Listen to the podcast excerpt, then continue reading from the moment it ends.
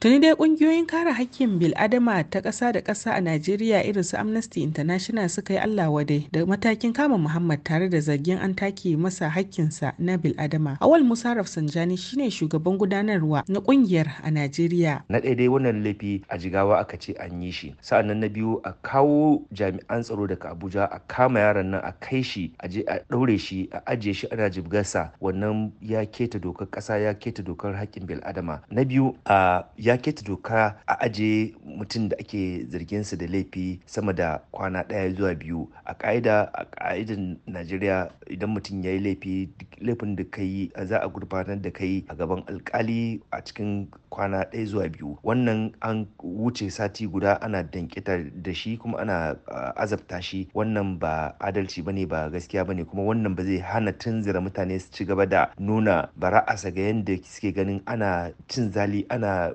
takura mutane a Najeriya ba. Bayanai na nuni da cewa uwar gidan shugaban kasa Aisha Buhari ce ta baiwa jami'an tsaro umarnin ɗauko mata Aminu daga jihar Jigawa bayan da ya wallafa wasu kalamai a kanta na zargin ta yi rubda ciki da kuɗin jama'a kalaman da ba su mata daɗi ba. Hajiya Naja'atu Muhammad kwamishiniya a hukumar 'yan sandan ƙasar ta ce kamata yi a gufanar da uwar gidan shugaban ƙasar saboda ta keta doka ita kanta. Ta karya doka saboda ta ɗauki doka a hannunta. Idan ma yaron nan ko yaran nan sun mata laifi doka abin da ta ce komai muna da shi a tsari. Doka abin da ta ce shine ta kai kara ta kai kara kotu amma ba ta sa a ɗauko su aka ɗauko yaron nan. Ba tare da ma court order ba ba kotu ce ta ce a je a ɗauko shi ba ba warrant na arrest. Aka je kawai yaro aka ɗauro shi kamar tubani aka to da shi abuja.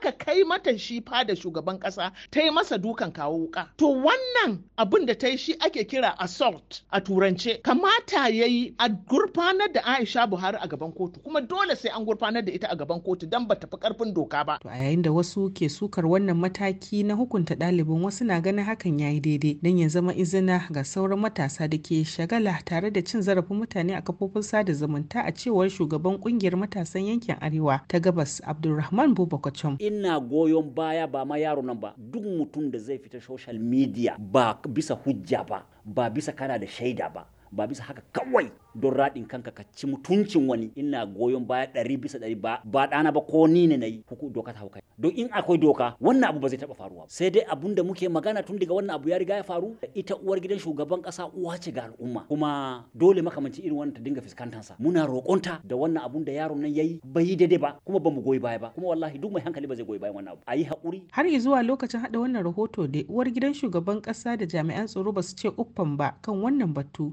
na Muhammad Aminu ɗalibin da ke zangon shekara ta ƙarshe a jami'a Shamsiyya Hamza Ibrahim murya Amurka daga Abuja, Najeriya.